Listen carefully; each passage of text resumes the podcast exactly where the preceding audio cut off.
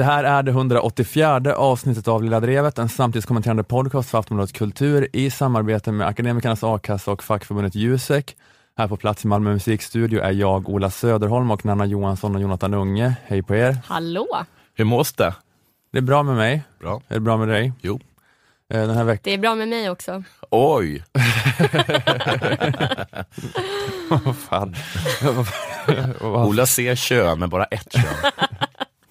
Ja, men det var bara en ny grej jag skulle fråga. Jag har alltid tänkt att vi är ingen sån här hur är läget-podd. Nu blev Men så, det. men så blev det det och det, hela poängen med det var att gillra en fälla för mig. att jag... jag tänkte det spelar ingen roll, för att, det spelar ingen roll om jag säger hur mås det till båda, för det kommer ändå vara bortklippt det här. Nej, kommer det absolut inte vara. Jag har stenograferat hela den här konversationen. Jag kommer lägga upp den på nätet. Min, eh, min ljudfil kommer få konkurrens av din sten- stenografi, som du kommer lägga upp på din Twitter. Det är mitt mål att den ska bli större. Lilla Drevet stenografi-fil ska fler nedladdningar. Exakt. Det här är ju den klippta versionen av Lilla Drevet ni hör nu, men gå in på att Jonathan Unge på Twitter varje vecka för att se den oklippta stenograferade eh, versionen. Ja, men eh, den här veckan ska vi prata bland annat om eh, läskföretag i Sydamerika och gratis tågluffarkort till 18-åringar, Mm. om jag förstått er rätt på Ja. vår Yes. interna mejltråd.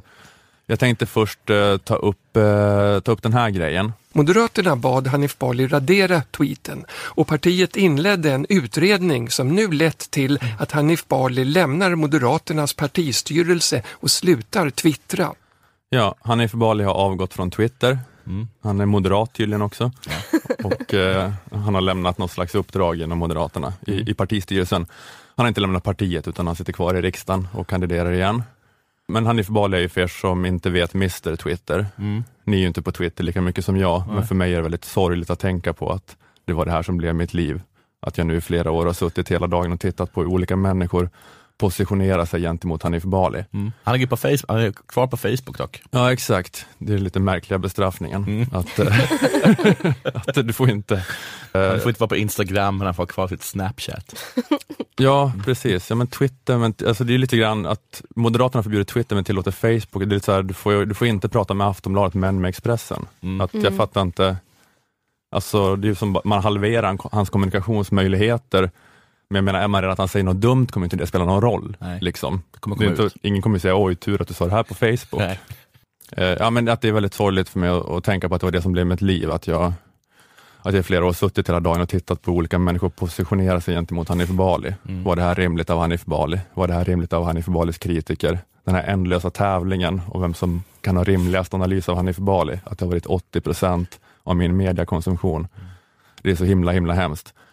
I alla fall, han har nu då avslutat Twitter, eller kanske gissningsvis pausat i en vecka eller så. Men, men tanken är då att han bara ska använda sin, sin Facebook-sida till att skriva håll käften batikhäxa till olika människor. Håll käften batikhäxa, håll käften batikhäxa, håll käften batikhäxa, håll käften batikhäxa. Är det alla gånger han har skrivit det? Alltså där låter han när han förråar debatten. så, det var lite fulklippt där av mig. Vi kan höra det i sitt sammanhang. Håll käften batikhäxa är du faktiskt eh, eh, från Lilla Drevet, Aftonblad Kultur, som refererade till mitt sätt att kommunicera. Så du har aldrig sagt det? Jag har aldrig sagt håll käften batikhäxa. Gud vad coolt. Det är som det där med att de, att de, de kände, alltid någonstans, de kändaste replikerna i filmer och pjäser aldrig, aldrig har sagts, aldrig finns med i pjäserna eller filmerna. Ja, Voltaire har aldrig sagt eh, jag hatar din åsikt. Nej, men bla, bla, bla. podd som hade sagt det när han sa det. Ja, exakt. Ja, precis. Ja, men det här är också det här är anledningen till att jag blir indragen här i Twitter emellanåt. Att någon, något smart skaft kommer på, nej han har aldrig sagt käften batikhäxa. Det var Ola Söderholm, Lilla Drevet som sa det, så blev jag intaggad där. Och så är det en sån, ja, men jag vet inte var, det, det är väldigt viktigt för Hanif Bali att han inte har sagt käften batikhäxa, för det var något vi sa i något avsnitt av Lilla Drevet, så att Hanif Bali typ så här, käften batikhäxa. Men han har sagt batikhäxa. Mm, I- inte käften. Ja, inte käften batikhäxa, men han sa batikhäxa i någon, jag tror att det var typ något så att, eh, att han pratade om att ja, men, en så eh, invandrare har inget problem med nationaldagen och militären, det är bara kommunala batikhäxan som gått mångfaldskurs som tror det. Alltså ungefär så, jag citerar från minnet nu skrev han.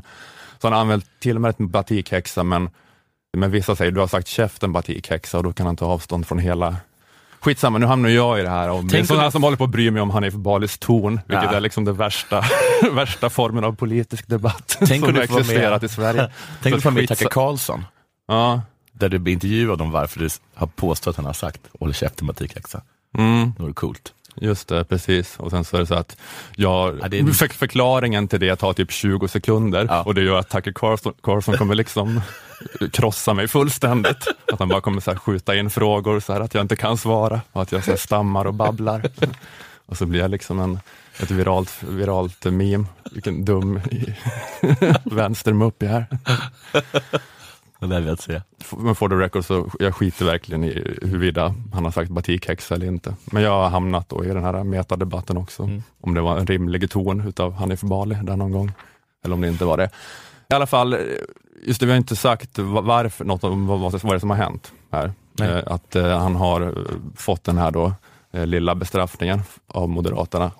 Men i alla fall, det är så att det är DN som har gjort någon slags granskning av Bali. Och det som hände var att det finns en journalist och centerpartistisk ledarskribent som heter Patrik Oksanen. Han har profilerat sig som en försvarsdebattör, typ som håller på att granska Ryssland, deras upprustning och militärövningar och kanske ännu mer deras informationskrigsföring och påverkanskampanjer. Det här med Egor Putilov och sådär. Att han skickas till Sverige och har, och har debatter med sig själv under olika pseudonymer för att skapa kaos och allt det där. Oksanen publicerade då förra måndagen en intervju med en ukrainsk människorättskämpe som berättade om hur hon fick fly när Ryssland annekterade Krim 2014. Och kontakten med den här ukrainskan den hade förmedlats av utrikesdepartementet och intervjun gjordes på UD i samband med en intern konferens om Rysslands annektering av Krim. Eh, Oksanen hade då mejlat med UD för att styra upp den här intervjun och det här mejlen, de här mejlen till en myndighet är ju offentliga handlingar, eh, som ni kanske har hört, så man kan begära ut dem. Och det spännande här då är att det kommer in en begäran om att få ta del av den här mejlväxlingen från Nyheter Idag. Eh, den högerpopulistiska sajten Nyheter Idag, som, som den brukar benämnas. Och sen la ut sin intervju, twittrade om den. Några minuter senare twittrar Hanif Bali ut intervjun och skriver väldigt bra artikel från Oksanen. Däremot hade det varit lite mer transparent om du sagt att intervjun i fråga såldes in av UD. Slutcitat. Och sen bifogade han den här mejlkorrespondensen mellan Oksanen och UD, alltså den som Nyheter Idag hade begärt ut. Mm. Eh, Och Bali, det är lite oklart vad Bali ville, men då på något vis insinuera att det var fel att Mm. gå via UD för att få den här intervjun. Eh, Men han blev kontaktad av Moderaterna som sa till honom att det inte var fel och att det är vanligt att man gör så här. Så då tog han bort tweeten och bad om ursäkt. Och det här har då lett till två diskussioner. Var Oksanens och UDs mejlväxling avlyssnad av en främmande makt? Alltså Ryssland, Mm. t- tänker man då. Det är ju lite i sånt här säkerhetspolitiskt snack och militärövningar och sånt. Ryssland är ungefär lika slappt anonymiserat som de som blev metooade, eller hur? Så, ja visst, kulturprofilen som drev klubben. Sen gör en militärövning som simulerar anfall från en främmande makt i öst med en president som har ett namn som slutar på Utin. Nej men det är ryssarna, ryssarna, ryssarna, ryssjävlarna. De skulle ha avlyssnat mejlväxlingen Mm. och tipsat nyheter idag om att begära ut mejlen. Det är då en hypotes. Eh, Att de har så här länkar till nyheter idag och ger dem tips utifrån vad de avlyssnar. Men det här verkar mer vara på indiciernivå, att det skulle kunna vara så här. Eh, Den andra diskussionen handlar om Hanif Bali, att han då låter sig vara taltratt åt nyheter idag. Eh, dels är det då det här att Bali först inte erkänner att det är från nyheter idag-killen som han fått de här skärmdumparna eh, från de här mejlen, utan han svarar något vagt till det genom att han såg dem i flödet bara. Och jag såg någonting i flödet, sen så la jag upp det. Men sen dagen efter erkänner han eh, eh, hur det var. Hanif Bali har sagt att han fick mejlen från en källa, en person han vet vem det är. Kritiker beskriver personen som närstående Rysslandsvänliga krafter. Jean Frick är som Voldemort för Sveriges Radio. att, att de kan inte ens nämna hans namn. Om man säger Jean Fricks namn högt inne på radiohuset så börjar tapeterna att blöda. Jag har inte sett Harry Potter i och för sig. Hur det funkar. Sitter här och rasar. Riktig referensidiot. Ingen fattar med referenshumor. De är helt uppåt väggarna. Det är precis den nyskapande humorgenren. Referenser som ingen har. Referenshumor. Kan du inte berätta mer om vad Karaktären, du tror karaktären att... killen som tror att han har referenser. säger allt som, i tonläge som ni fattar vad jag menar. Ingen fattar vad jag menar. Då börjar tapeten att blöda. Va? Um, Ja. Det var en liten blinkning åt Harry Potter. Va? nej men eh, det är då, han heter Jean Frick, eh, den, jag vet inte ifall alla vet vem det är, han som har startat nyheter idag. Och han hade haft interaktion med Hanif Bali. För när det här radioinslaget jag spelade upp är, då har Hanif Bali erkänt på Facebook i ett uttalande att förlåt, jag sa inte sanningen, det var från Jean Frick på Nyheter idag. Som, det var av han jag fick mejlen, men P1 refererar till då som att Hanif, Hanif Bali säger att han fått mejlen av en person. Och kritiker säger då att personen eh, är en som är närstående Rysslandsvänliga intressen. Eh, för det, det är då ingen som verkar tro att Bali är rysk spion, men att han i sin sån här eh, anti- anti-etablissemangsattityd och iver att ge kängor åt, åt gammelmedia, så har han hamnat i den här situationen att han misskrediterar en journalist som är, som är jobbig för Ryssland, på tips då från en känd Kremlvän, som jag har sett att folk kallar Jean Frick. För, men för jag, jag, har inte så, jag har inte så bra koll på det här med eh, Chang Jean Frick och nyheter idag och Ryssland. Eller jag har inte haft det ärligt talat. Men jag läste nu en av artiklarna som använts som bevismaterial av de som kallar nyheter idag för Rysslands vänner, eller i alla fall då Rysslands apologeter. Eh, och det här är en artikel med rubriken Bör Sverige bjuda in ryska valobservatörer?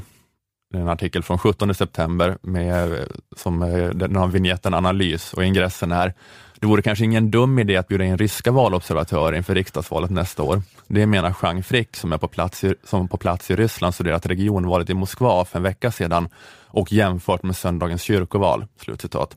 Så de ska lära sig.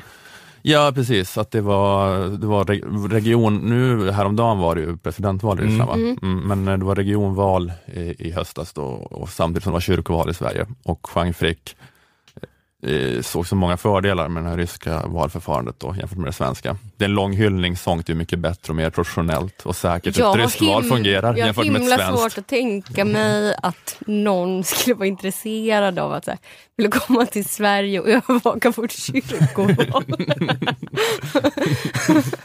det blir finska pinnar med några goa tanter. Det blir... Det var coolt att de hittade helt sjukt fuskande i kyrkovalet. Ja, det är det mest lättfuskade valet Ja. i världen. Man behöver inte bussa in folk och tvinga dem att rösta. Man kan bara ta två, tre personer i en vanlig bil och ta in dem. De har lyckats få majoritet. Precis. Men han skrev i och för sig här då att eh, ryssar borde komma och övervaka riksdagsvalet nu Ja. eh, till hösten.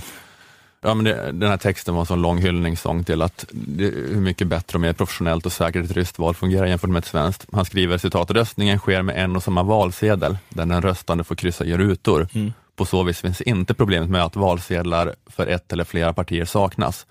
Slutcitat. Så det, det är så bra, för i Sverige är det så att det är olika valsedlar ni vet som ligger där på bordet när man kommer in för de olika alternativen. Men det, har ju, det har ju faktiskt varit så att, att folk har liksom tagit bort ett parti. Men då kan man ju ta en sån blank och skriva man kan skriva på en, precis. Så det försvinner ju lite då. Jo, nej, men jag ser inte att det har 100% inte varit ett problem.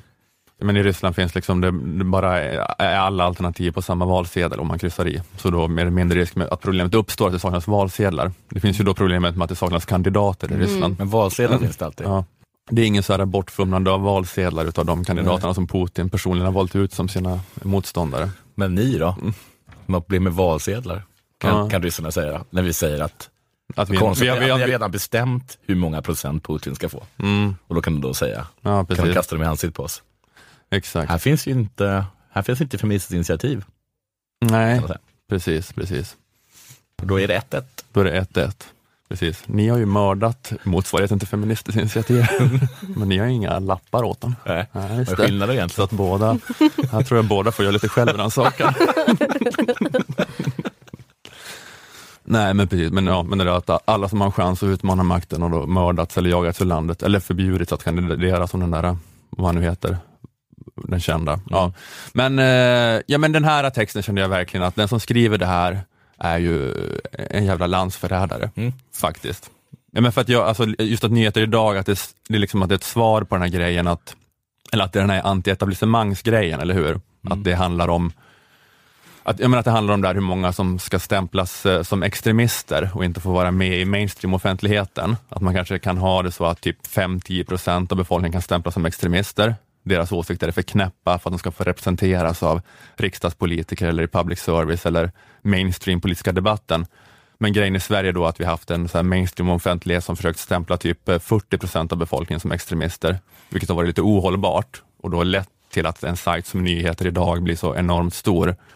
Att man så måste ha det lite, jag, jag förstår att man måste ha det lite så att Marcus Birro och Staffan Heimersson kan skriva krönikor om tiggare eller tjejer eller någonting som är lite knäppa de krönikorna, utan att det så startas typ upprop om att de ska bli av med sina uppdrag. Mm. Att det är bra för det offentliga samtalet om det inte bara finns alternativen antingen håller jag med dig eller så vill jag att du blir av med din inkomst. Utan att det finns typ något mellanläge mm. där man säger att folk beter sig knäppt utan att det betyder att det var sista gången man tänkte diskutera med dem. Hela den grejen liksom av antietablissemangsvågen alltså kan jag då förstå. Eh, att jag, jag förstår det liberala etablissemangets kritik av nyheter i dagsjournalistik, men det liberala etablissemanget får fan också skylla sig själva eh, till stor del eh, för att en grej som nyheter idag har blivit så, så stor. Men när de här antietablissemangshaveristerna börjar svaja när det gäller Ryssland, mm, då, jävlar. Då, då känner jag bara nej. Vi behöver inte ha en bredare åsiktskorridor när det gäller Ryssland. Det är inte att lägga locket på någon folkopinion, att bara skoningslöst tysta de här killarna med grodan PP-emojis som håller på och är svajiga om jävla Ryssland. De som är såhär, åh visst, Russia Today, det är kanske lögner och propaganda, men det är ju BBC också. Det är samma. Det är bara de olika sidornas propagandaverktyg. Det är exakt samma, exakt lika goda kålsupare. Och då känner jag nej. Väst är bäst, känner jag. det är Tyvärr. Ja, men Johan Akelius skrev en krönika i Fokus om det här, eh, där han ställer frågan till Hanif Bali om det här. Eh, han skriver så här att eh, citat, varför skulle Oksanens intervju vara ett problem på grund av UDs hjälp? Vad har du för inställning till de svenska och ryska staterna? Vad var det i den informationen du delade som du tyckte var så graverande för Oksanen? Eh, slutcitat. Och Bali har inte svarat på det här ännu, men Jean Frick har svarat till mm. Hanif Bali istället. Eh, och Frick skriver då, om exempelvis ryska utrikesministeriet kontaktar en specifik journalist med önskemål om en artikel där utrikesministeriet ordnar med intervjupersoner och dylikt, skulle garanterat Oksanen se detta som ett bevis på att ryska staten är inne och styr medier. Eh, och jag tror inte att det är en felaktig slutsats på något sätt. Men samma frågeställning i Sverige får ett helt annat resultat. Är det för att staten i Sverige per automatik är god och då är det okej? Okay? Slutcitat. Och man bara ja, Jean Frick. det är därför. Eller god och god. Men den är per automatik så himla mycket godare. Jävla ryska staten. Källa allt. Som har hänt de senaste 700 åren. Men ryska staten tycker inte ens själv att den är god. Alltså deras ambition är inte att få ut budskapet vi är bra, utan deras ambition är att få ut budskapet visst, vi är dåliga, men alla andra är typ lika dåliga.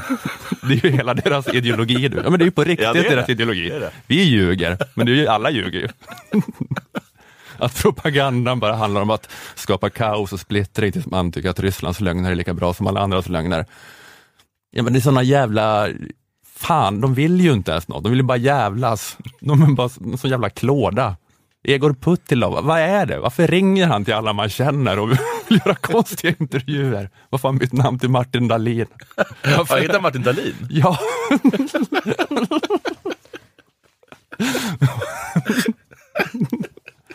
och jobbar på någon sån där tidning som heter Samhälle idag. Ja. Jag tänkte på alla de där tidningarna, de, det är ungefär som så här fultaxin i Stockholm, att de ska mm. heta något som låter Precis. så jävla officiellt och neutralt. Mm, att man det, fattar att det, finns, att det kommer bli svindyrt. Att det heter Taxi i Stockholm, så heter det Taxi i Stockholm, ja. kostar tio gånger mer för att åka en kilometer. Så är det med alla de där, där de liksom så här Kreml-betalda trollen sitter och skriver artiklar. Det är så här, nyheter i Aktuellt. Det är som att de har slumpat de här fyra orden. Liksom. Aktuellt i samhället. Vad heter tidningar i Sverige? Nej men de här, de här då jävla Kreml-lakejerna, de vill ju ha det till att de här, den här jakten på Putin-kramare, att Oksanen och sådana håller på med en jakt på Putin-kramare, det, är no, det är någon slags ny svensk McCarthyism. Mm. Och då känner jag bra. Ja, men jag såg att någon skrev på Twitter att uh, man ska inte lyssna på Patrik Oksanen, för han är en rabiat russofob. Mm. Och man bara, vad, vad är det för fel med det? rabiat russofob, det är väl bara synonym till psykiskt frisk. Men här finns ju en rabiat russofob. Ja, här har vi en. Och det är alldeles utmärkt. Alldeles utmärkt. Men jag tror jag pratade om det förut, att man, är lite osäker på om hur rasistisk man får vara mot ryssar. Mm. Man får vara rasist kanske mot tyskar och engelsmän och sådär.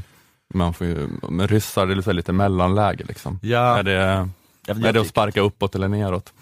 Man vet inte riktigt. sparka någon som är jävligt jobbig. Nej men jag menar, det handlar om att hålla ihop landet nu, eller hur? Ja. Det är Ryssland. Alltid, alltid Ryssland. Ja, men som när man var liten.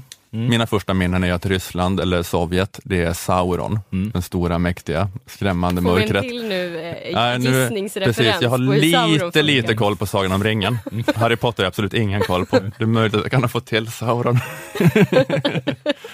ja men det var de då. Men sen var det ganska många år då Ryssland bara var ett skämt. Mm. Ryssland var mest landet där Roxette åkte på världsturné. Eh, när, Roxette åkte på sina World Tours senaste 20 åren. Ja, alltid var 20 g- gruvstäder i Ryssland från Ja. den här världsturnén. Och Precis. Halmstad. Precis. Tylösand, Halmstad. Sen 20 datum i före detta Sovjetrepubliker. Alla, alla, alla städer i vad heter det, Ryssland som hade ett lag som hette Metall, Metallurg. Metallurg, precis. Metallurg Arena i Novosibirsk.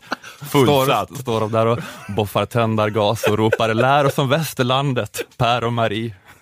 Lär oss om Elvis. Eh, så var det, det var, det var ju bara kul, det var bara härligt. Men nu är Ryssland läskigt igen då. Inte som Sauron kanske, utan kanske mer som Gollum. Att det är någon, något, kon- någon konstig, något man inte riktigt förstår. Man inte riktigt, en referens jag inte riktigt förstår, men jag använder det då. Så det ska heta fattar, fattar ni vad jag menar?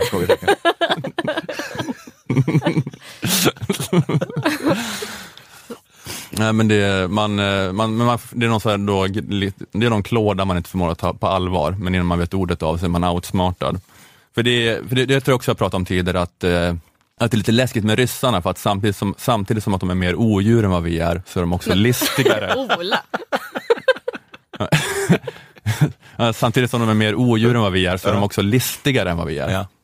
Och det är så himla, det är sedan långt tillbaka, att det var därför Sverige förlorade Finland till exempel.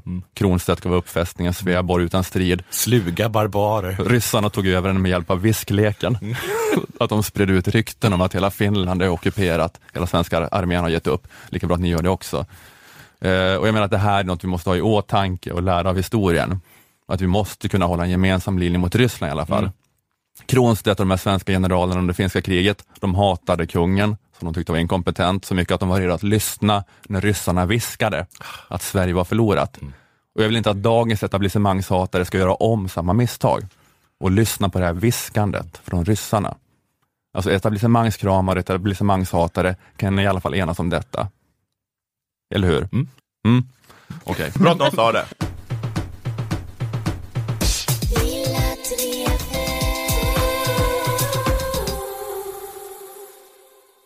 Nanna, Ja, Ola, Mm. vi ska tala om det här. Luego una agresión en la calle. Jag har fått fyra dödshot. Först ett telefonsamtal mitt i natten. En mans röst sa till mig att hålla tyst. Sen blev jag nedslagen på gatan av en man som upprepade att jag skulle vara tyst om jag ville leva. Och sen har jag blivit jagad av motorcyklar på väg hem från jobbet, säger Esperanza Ceron. Som ni hör är Lotten Collin i farten igen. Mm. Det är den gamla vanliga då. En aktivist har såklart blivit hotad till livet. Och självklart, självklart heter den aktivist Esperanza Ceron. Det liksom duger inte vad med, är, vad är ditt case med hennes namn? för att det liksom aldrig verkar duga med Maria Gonzales när Lotten är ute och kör. Det är alltid liksom Esperanza Ceron eller någonting sånt. Konstigt. Nåja, Alltså det jag har hört av er två hittills. Olyckligt tema. Ja. Xenofoba avsnittet. när, blev, när blev lilla drevet så gubbigt? gubbigt är bra och det heter man eller kar. Vad rör sig det om? Eh, Vi har sett så många Jordan Peterson-videos. ja, det vi, kommer alldeles, alldeles stinna. Nan- Nanna gillar det här, när man inte, när man har, när man har vuxit upp och är en man. Vad rör det sig om denna gång då? Är det slavhandel, röstfusk, kokain, folkmord eller gifta fall från rika västländer? Det låter som tv-serien Narcos, säger jag. Eller som en maffiafilm från 80-talet. Läskföretagen är en maffia, säger Esperanza. Och socker, ja, det är ju en drog. Nej, det handlar om socker den här gången. Som ju också är en drog, vilket det inte riktigt är. Även om Peter Gidde och moden till mitt barn påstår det. det är absolut ingen drog. Så eh, inte lika tunga grejer som det brukar handla om i ett Lotten Collin-reportage, men inte mindre viktigt för det såklart. För det rör sig alltså om att Colombias hälsominister 2015 la fram ett förslag om en 20 skatt på sötade drycker i ett försök att få stopp på landets eh, fetmaepidemi. Andelen överviktiga barn mellan 5 och 17 år har ökat med nästan en tredjedel i Colombia. Vilket vi vet tack vare statistik från en person som jobbar för hälsoministern. En person som heter, Säger Pamela Gongora. vad hette hon alltså? Säger Pamela Gongora. Pamela Gongora. Jag börjar tro att Lotten Collin hittar på namnen. Mhm. Att Lotten Collin har tillfört fler spanska namn till det spanska språket än vad William Shakespeare har- sägs ha tillfört ord till det engelska språket. Jag tror det är så här, och vad, vad var ditt namn? Ja, det är Maria Gonzales. Vad sägs om Esperanza Ceron? Det tycker jag låter bra. Låter så fint. Esperanza. Det tar vi. Men ja, ja, det rör sig om socker då. Och även om det bara handlar om socker så är drama dramaturgin eh, är liksom densamma som i vilket annat eh, som helst av Lotten Collins olika reportage. Som liksom att det ingår hot, hackade datorer, inbrott och jättemäktiga företag. Ett av Colombias två stora mediebolag ägs av samma familj som äger landets största läskföretag Postobon. Självklart så äger också läskföretagen all media och får då förstås eh, det här förslaget ned, nedlagt. Liksom. Samt lyckas via korrupta domstolar tvinga motståndarna till bisarra eftergifter. Och myndigheten nöjde sig inte bara med att stoppa filmen, de förbjöd oss också från att tala offentligt om socker för all framtid. En censur helt enkelt, säger Esperanza Ceron. Man får inte tala om socker längre i Colombia. Ingen får göra det. Det säger de inte riktigt. Men vänta, vad, vad hade Esperanza igen för titel, eller vem var hon? Eh, Hon jobbade på ett eh, sån här konsumentintresseorganisation. Okej, okej. Man får alltså inte tala om socker längre i Colombia. Det hade varit väldigt svårt för Peter Gidde. Mm. Och vad tyst det hade varit på svenska föräldramöten om den lagen gällde här. Denna eh, nyhet väcker lite olika tankar hos mig. Mm. Den första är att Lotten Collin börjar koka torrt. En annan tanke är Du tycker inte alls att det här är liksom spektakulärt? Ja. En, annan, en annan tanke är att det är tufft att vara något så pass mekigt som sockeraktivist i Sydamerika. Där liksom riktig aktivism eh, är ju så mycket mer farligt och nobelt kan man tänka sig. Och att det kanske gör det lite lockande att dra på lite extra. Så att man får den här uppmärksamheten man tycker sig förtjäna. Du säger alltså att, att offret för de här hoten Mm. har brett på? Jag säger så här. Då. Ponera att några aktivister sitter och berättar om sina liv runt ett bord. Kanske på en hacienda. Nu är det jag som droppar referenser. om hur de har blivit beskjutna av oljebolag och så. Och då kan man kanske tänka sig att havremjölksaktivisten drar på lite. Att en kommentar som “men det smakar ju hö” förvandlas till ett dödshot mot ens familj. Att hot yoga-aktivistens studio blev kanske inte så mycket nedstängd av den internationella vanliga gymkoncernen som att man har slarvat med hyran. Det är ingen som skuggar dem som inte tar Alvedon vid huvudvärk. vad de än säger. Man kan tänka sig så. Men det läskigaste, oavsiktligt men jätteroligt skämt, är denna tanke jag fick. Blir alla företag eller rörelser automatiskt fullkomligt diaboliska så fort de etablerar sig i Sydaf- Syd- Sydamerika? Att det liksom bara sker helt uh, undermedvetet. Jag menar, att oljebolag är svin, det kan man ju tänka sig, men att även läskföretag är sådana skurkar. Att de liksom direkt skaffar sig ett mediamonopol. Och det gäller liksom alla. Rio startar en fabrik i Brasilien för att tillverka den där trähunden på hjul och i samma slag en slavplantage i Amazonas. Rättviseförmedlingen öppnar kontor i Buenos Aires och formar också en dödspatrull riktad mot gatubarnen, för så här kan det inte se ut. Det, det är ingen som inte har utbildat en paramilitär milis Nej. som har etablerat sig i Sydamerika. Eva Attling har en butik i Bogata, men tvingar även bönder att loda koka. Och att det bara är så i Sydamerika. Att det bara sker så automatiskt. Ja, just det.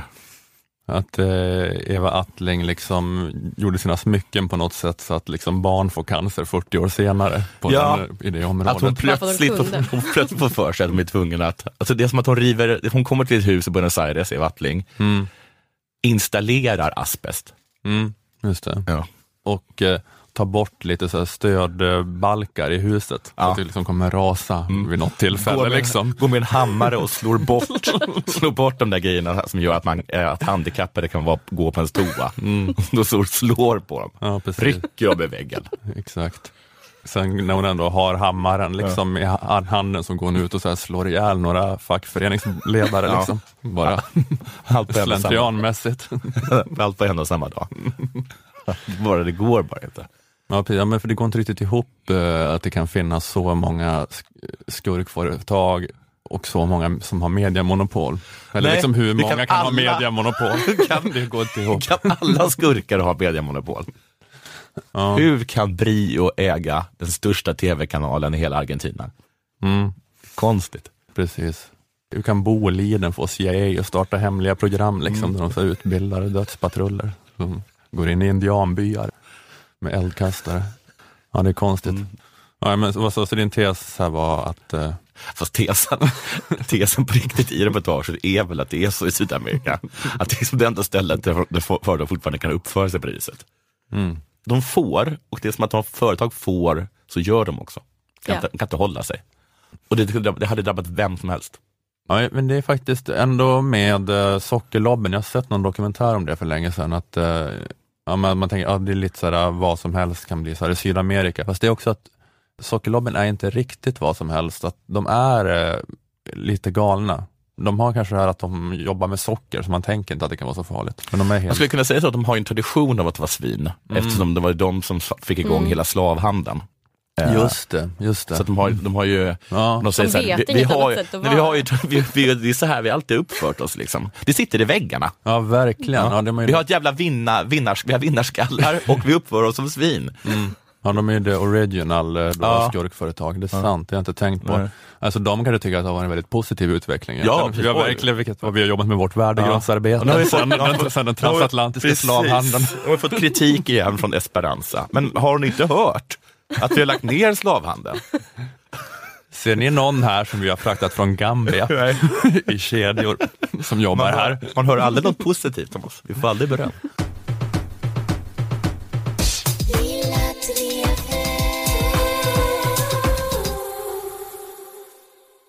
Den här äh, ganska trevliga podden kan göras tack vare fackförbundet Jusek och Akademikernas a-kassa, eh, våra sponsorer alltså. Eh, gå in på akademikernas.se och se till att ordna ett a-kassemedlemskap eh, om du inte redan har gjort det. Endast 110 kronor i månaden och då får du upp till 20 000 i månaden om du skulle befinna dig mellan jobb. Akademikernas är ju för er som har eller söker anställning, men också för egenföretagare. Eh, om du till exempel har en egen firma och blir av med din största uppdragsgivare så att det blir omöjligt för dig att gå runt, då kan du lägga företaget vilande och istället så kan du få ut a-kassa. Eh, läs mer på akademikernas.se. Är du inte akademiker ska du självklart vara med i a-kassan ändå. Eh, gå in på väljaakassa.se och se vilken a-kassa som passar dig. Är du eller är på väg att bli jurist, ekonom, systemvetare, personalvetare, kommunikatör eller samhällsvetare ska du gå med i fackförbundet Jusek. Då får du bland annat del av Juseks inkomstförsäkring som ger dig 80 av lönen upp till 80 000 kronor. Eh, att vara med i Akademikernas och Jusek kostar 361 kronor sammanlagt. Är du redan Akademikernas medlem lägger du alltså bara till 251 kronor för att också få vara med i facket. Jusek har också just nu kampanjen Vi vet som handlar om att det är facket som har den relevanta kunskapen om ditt yrkesliv. Går du in på Juseks kampanjsida, jusek.se vi vet, finns eh, också ett eh, fantastiskt erbjudande för er som väljer att bli medlemmar nu. Vi säger inte vad det är, utan ni måste gå in där och kolla. Otrolig cliffhanger. Okej, vi säger... Spoiler det är en helt ny, splitter ny Playstation. Okej, eh, så har ni steget tog med a-kassan och eller facket tack vare den här podden kan ni gärna meddela a-kassan och facket det. Ni kan också skriva om det i sociala medier under hashtag lilla drevet.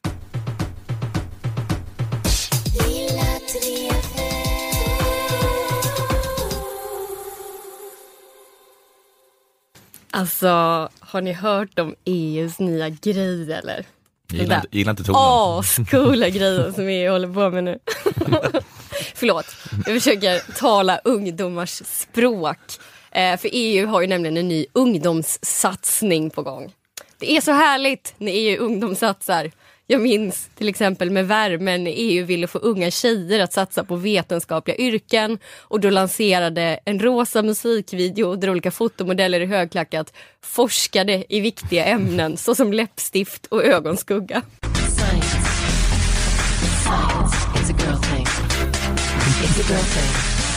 Bra. Det är ju jävla sväng. Nu är i alla fall våra vänner i EU-parlamentet på gång med en ny härlig ungdomssatsning. De har nämligen bestämt att 20 000 18-åringar ska få en gratis tågluff genom Europa i sommar. Alltihop bekostat av EU. Då säger man tack va, ungdomar? Eller hur? EUs politiker har satt sig ner i olika think tanks och eh, då brainstormat kring vad ungdomar gillar och kommit fram till att det absolut sexigaste för någon som är ung är tågluff. För det var det ju när de var unga och börnade fram genom Västtyskland, Tjeckoslovakien och Jugoslavien. Så varför skulle det inte vara det nu, tänkte de. Eh, har ni tågluffat? Ja, det har jag. Ola Tann. Ja, ja, jag har gjort det Ja. två gånger. Spännande. Ja. Eh, jag har aldrig tågluffat, men jag kan föreställa mig att det är lite så här. Man tröttnar på att sitta still redan i Hamburg. Man får en könssjukdom i Rotterdam. Man läser ut sin enda medtagna pocketbok i Antwerpen. Så blir man knivrånad, missar tåget till Lyon. Sen tar pengarna slut i Neapel och man måste typ ringa hem till en förälder och gråta. Alternativt spela gitarr på gatan för att ha råd med pizza. Lite så föreställer jag mig att det är att tågluffa. Ja. Himla livsförnekande. Ja. ja, men jag vet ju inte, jag har aldrig gjort det. Nej, men, Eh, nej visst, men Du ja. hade inte jätterosa färgade glasögon på Nej. dig när du tänkte där. Eh, Men det här, är ändå en, det här är ändå en erfarenhet som jag inte tänker missunna någon som vill ha den. Alltså på det sättet är det ju jättehärligt att EU kör det här initiativet. Eh, Men det här tågluffsprojektet har ju också kritiserats. Kritikerna menar att det kanske inte ska vara just EUs grej att strössla pengar på eh, gratisresor. Så här säger till exempel Katarina Kärkinen, vice ordförande för Moderata, ung, eh, Moderata studentförbundet. Jag tror att väldigt få är särskilt sugna på att betala för att ungdomar ska åka runt i Europa och få en känsla av tillhörighet. Mm. Och det här med att hela tågluffsprojektet är eh, en plan för att få ungdomar att då känna tillhörighet med Europa eh, och i förlängningen EU bekräftas av Europaparlamentarikern Manfred Weber som är en förespråkare av initiativet. We think, and I think, there is a need to, in mind of young people especially, to experience how beautiful our continent is, how good it is to feel to be an European. För att tala klarspråk, eh, man tror alltså att det här tågluffandet kommer få 18-åringar att börja älska EU. Att de ska se hur vackert Europa är och då inse hur bra idé det är med en europeisk union. Att de unga ska blicka ut genom tågfönstret och bara Jag vill leva i Europa. Jag vill älska och sjunga här. Jag vill skratta och gråta och dansa. Jag är yr och förlorad ja, ja, ja. Eh, men Jag tycker det, Ja, jag köper just 100 det. procent. På din bekostnad kan jag bara säga att det var exakt så. ja, som du som hände kände kön när du, eh, när du satte i tåg. Då Ja. blev du arga. Nej, men jag, ja, precis. Men jag känner att jag, jag, jag är på team Manfred Weber. Ja, ja men vad intressant. Ehm, jo, men jag kan känna att så här. Att eh, istället för att EU ska lägga supermycket pengar på det här att eh, ungdomar ska börja älska i Europa så skulle de kunna lägga pengar på att få folk att älska en annan grej relaterad till det här projektet. Nämligen tåg. De hade kunnat lägga pengarna på till exempel en enkel hemsida som samordnar tågresor inom hela EU. Det vill säga någon sorts europeisk motsvarighet till SJ.se. Jag vet inte om ni har försökt så här, boka tåg genom Europa på nätet. Men det är väldigt krångligt. Mm. Man måste ofta gå in så land för land och boka sträckor. Eh, och som jag förstått det så måste man göra så även om man har ett interrailkort. Eh, det finns ingen sån motsvarighet till eh, SJ.se. Ni får rätta mig om jag har fel och det faktiskt finns. Men om det finns så kunde i alla fall inte jag hitta det med mina frenetiska googlingar igår. Eh, jag slängde också ut en fråga på Twitter och där fick jag då tipset om en sida som heter Rail Europe som sen misslyckades med att boka precis alla resor jag testade. En annan sida som skrev att de skulle kunna hjälpa en att hitta tågresor försökte hela tiden lotsa mig till olika flyg eh, istället för tåg. Mm. Ja, men det är helt hopplöst, Ja. jag kan intyga det. Eh, och annars var det bästa tipset eh, som kom från flera källor att gå in på gruppen Tågsemester på Facebook. Eh, så om en Facebookgrupp är den bästa lösningen så tror jag att vi kan sluta oss till att det inte finns någon slags eh, fungerande europeiskt SJ.se. Så det skulle kunna vara en bra grej som de skulle kunna börja med eh, EU. Gör det lite, lite smidigt att välja tåg istället för flyg. Eh, och att göra då tågresor attraktiva, inte bara för 18-åringar som är på jakt efter sin första könssjukdom, utan även för vuxna. Eller så kan de göra, ja, då kan jag göra båda satsningarna. Jag är inte omöjlig. Jag vill bara verkligen ha den här samordnade, tydliga, enkla hemsidan där man inte får upp ett error-meddelande när man försöker boka tåg mellan typ Malmö och Rom. Men det är väl det att det har varit så att flyg har kostat en krona med Ja. Ryanair, eh, men nu kommer vi alla på igen att vi ska åka tåg på grund av klimatet, men då eh, är, har man tagit bort alla nattåg och Ja. allt är liksom helt eh, värdelöst. Jag kommer ihåg när jag tog det för så åkte vi jättemycket nattåg. Så kan man betala hotell. Mm. Det var gratis hotell den kvällen. Just Sen kommer jag ihåg som när jag köpte mitt interrailkort tillsammans med min kompis Samuel, så stod vi i, eh, i kön då eh, för att köpa interrailkort. Så var det de eh, framför oss, de fick eh, de hade också köpt, köpte också interrailkort. Och så fick de en liten påse som gjorde de en stor grej av att i den här påsen så fanns det där, på den tiden lite heta kondomerna som, hade, som smakade banan och jordgubb. Mm. Kommer du ihåg dem? Och sen så, fick, så de la i dem, och dem. Och sen så köpte jag och Samuel dem. Och sen nästan demonstrativt la de inte in några kondomer i vår, i vår lilla påse. Det var i och för sig fullkomligt riktigt, men de hade inte använts till någonting. Men, men eh, alltså det var lite tarvligt tycker jag. Så lärde Samuel mig också att om man går jättesnabbt så blir man inte rånmördad, för då ser det ut som att man är på väg någonstans. Så vi, ja, vi, vi gick alltid supersnabbt genom de olika städerna. Så jag har sett väldigt många städer i Europa, men lite suddigt. Så nu åkte jag på KFC, KFC Jaha, i Prag. nej. Jättegott var det. Vilka minnen. Minnen för livet. Ola, du då? Hur var din tågluff? Ja, jag vet inte vad, ja, men jag kommer ihåg att jag, att jag träffade en tjej i Krakow som också heter Ola. Nej. Hånglar ni? Ja precis, vi hånglade typ på, Var det din spegelbild? Vad sa Hade du tagit någon? Såg en lång blond tjej där? Det är Ola. Jävla fina drag hade hon.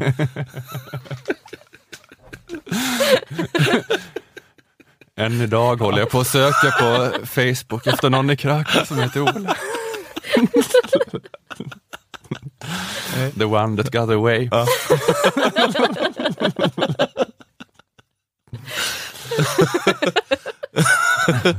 Sen spårar du henne till vet du, lustiga huset i Krakow.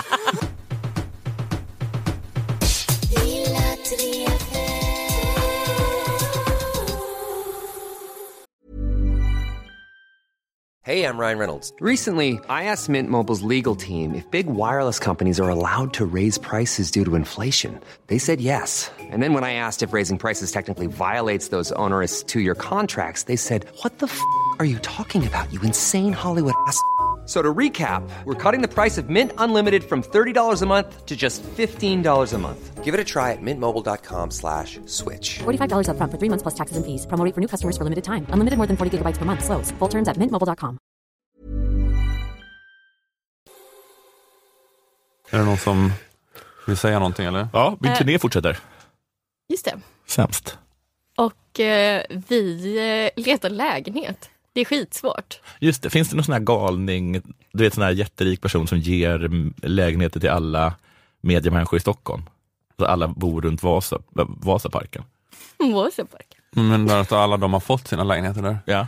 Alltså det enda jag har hört om det där är att eh, Mark Levengood fick det där godset väl, någon excentrisk Ja, rik man, människa som dog. Jag vet inte vad du vill för någonting. Nej, men för vi vill ju kanske typ byta då Ja. en tvåa och få en fyra.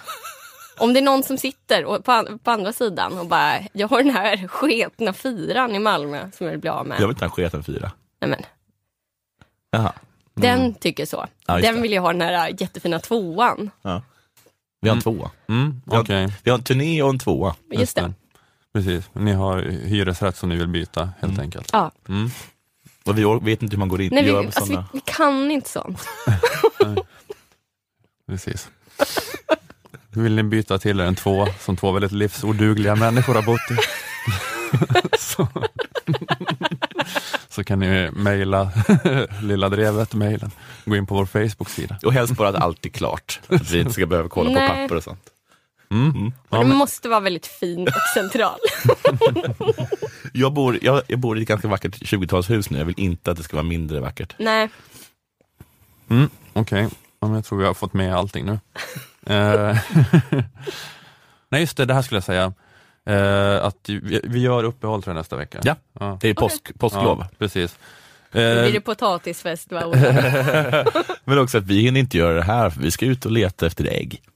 Nej precis, vi gör ett uh, litet påskuppehåll nu. Mm. Det, är, det är som det är. Förut har ju vi varit sådana som skiter i röda dagar, men nu när vi har blivit lite äldre så då var det Lucia-uppehåll och påskuppehåll. Nej, men det blev lite för mycket med att folk inte riktigt kunde och barn som inte är i skolan och så. Så att det, det är eh, påskuppehåll nästa vecka, men vi, vi hörs igen om eh, två veckor helt enkelt. Då. Yes. Mm. Okej, ja, men då säger vi bara tack till Aftonbladet Kultur, Akademikernas A-kassa, fackförbundet Jusek, tack till Malmö musikstudio där vi spelade in. Vi som gjorde programmet var jag, Ola Söderholm och Jonathan Unge och Nanna Johansson. Tack ska ni ha, hej då! Hej! Hej hej!